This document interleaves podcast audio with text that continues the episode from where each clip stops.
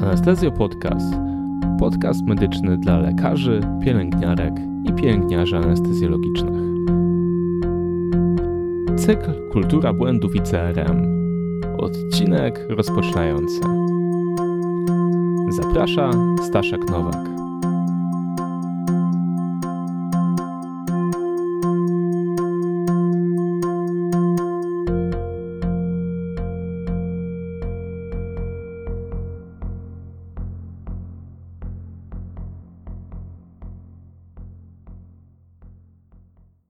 Dobry wieczór, witajcie wszyscy w kolejnym odcinku Anestezjo Podcastu.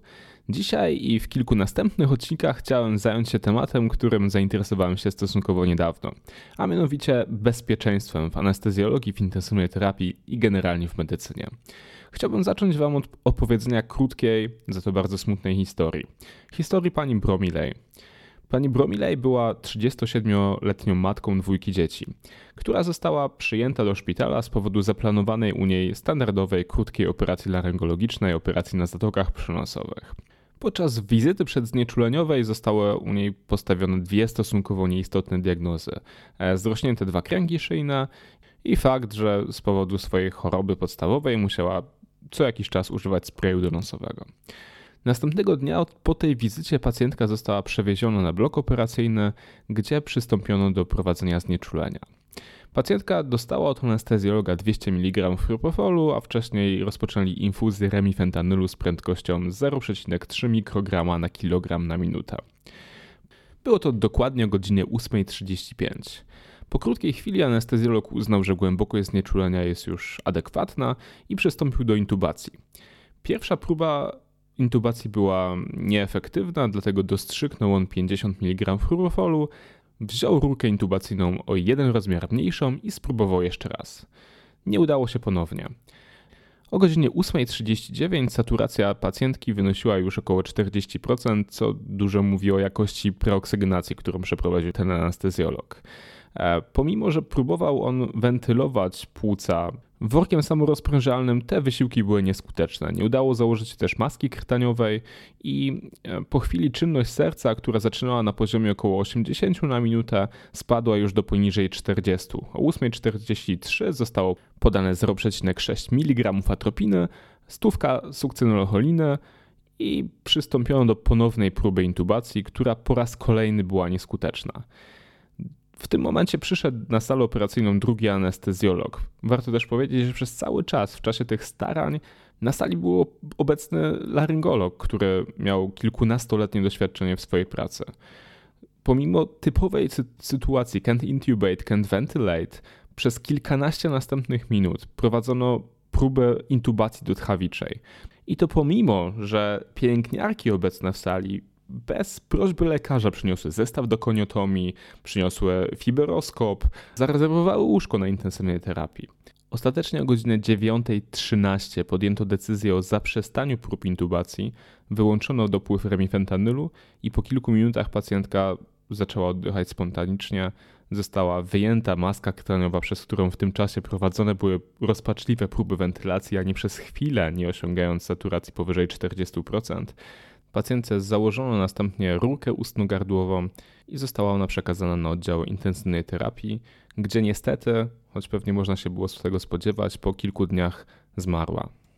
Pomimo, że ta krótka opowieść pozbawiona jest wielu szczegółów, już podczas takiego dużego skrótu i streszczenia rodzą się pytania – jak to się stało? Jak to się stało, że pięciu anestezjologów, którzy w międzyczasie byli przy pacjentce, podejmowało tak koszmarnie złe decyzje?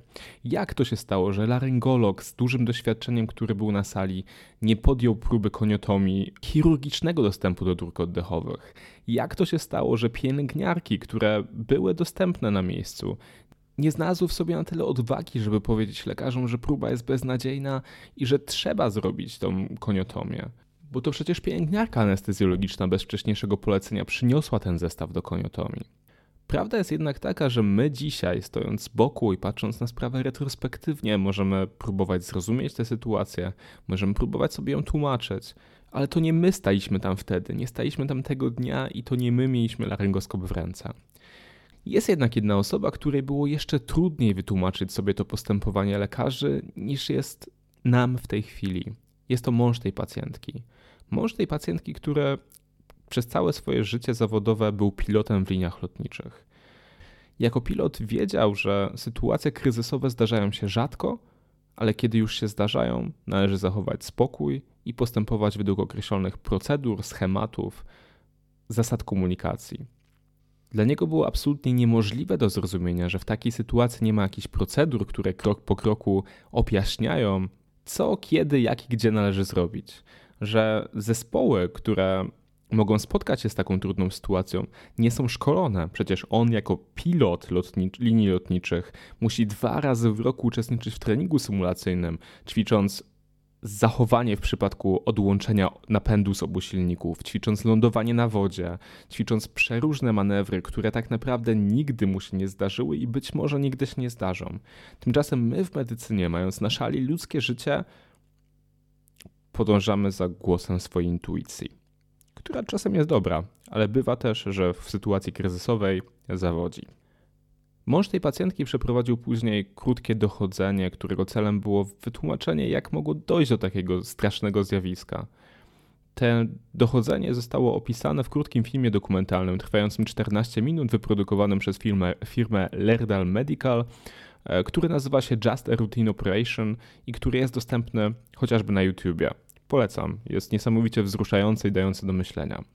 Między innymi to krótkie dochodzenie i ta próba dojścia do prawdy połączyła świat medycyny ze światem pilotów linii lotniczej.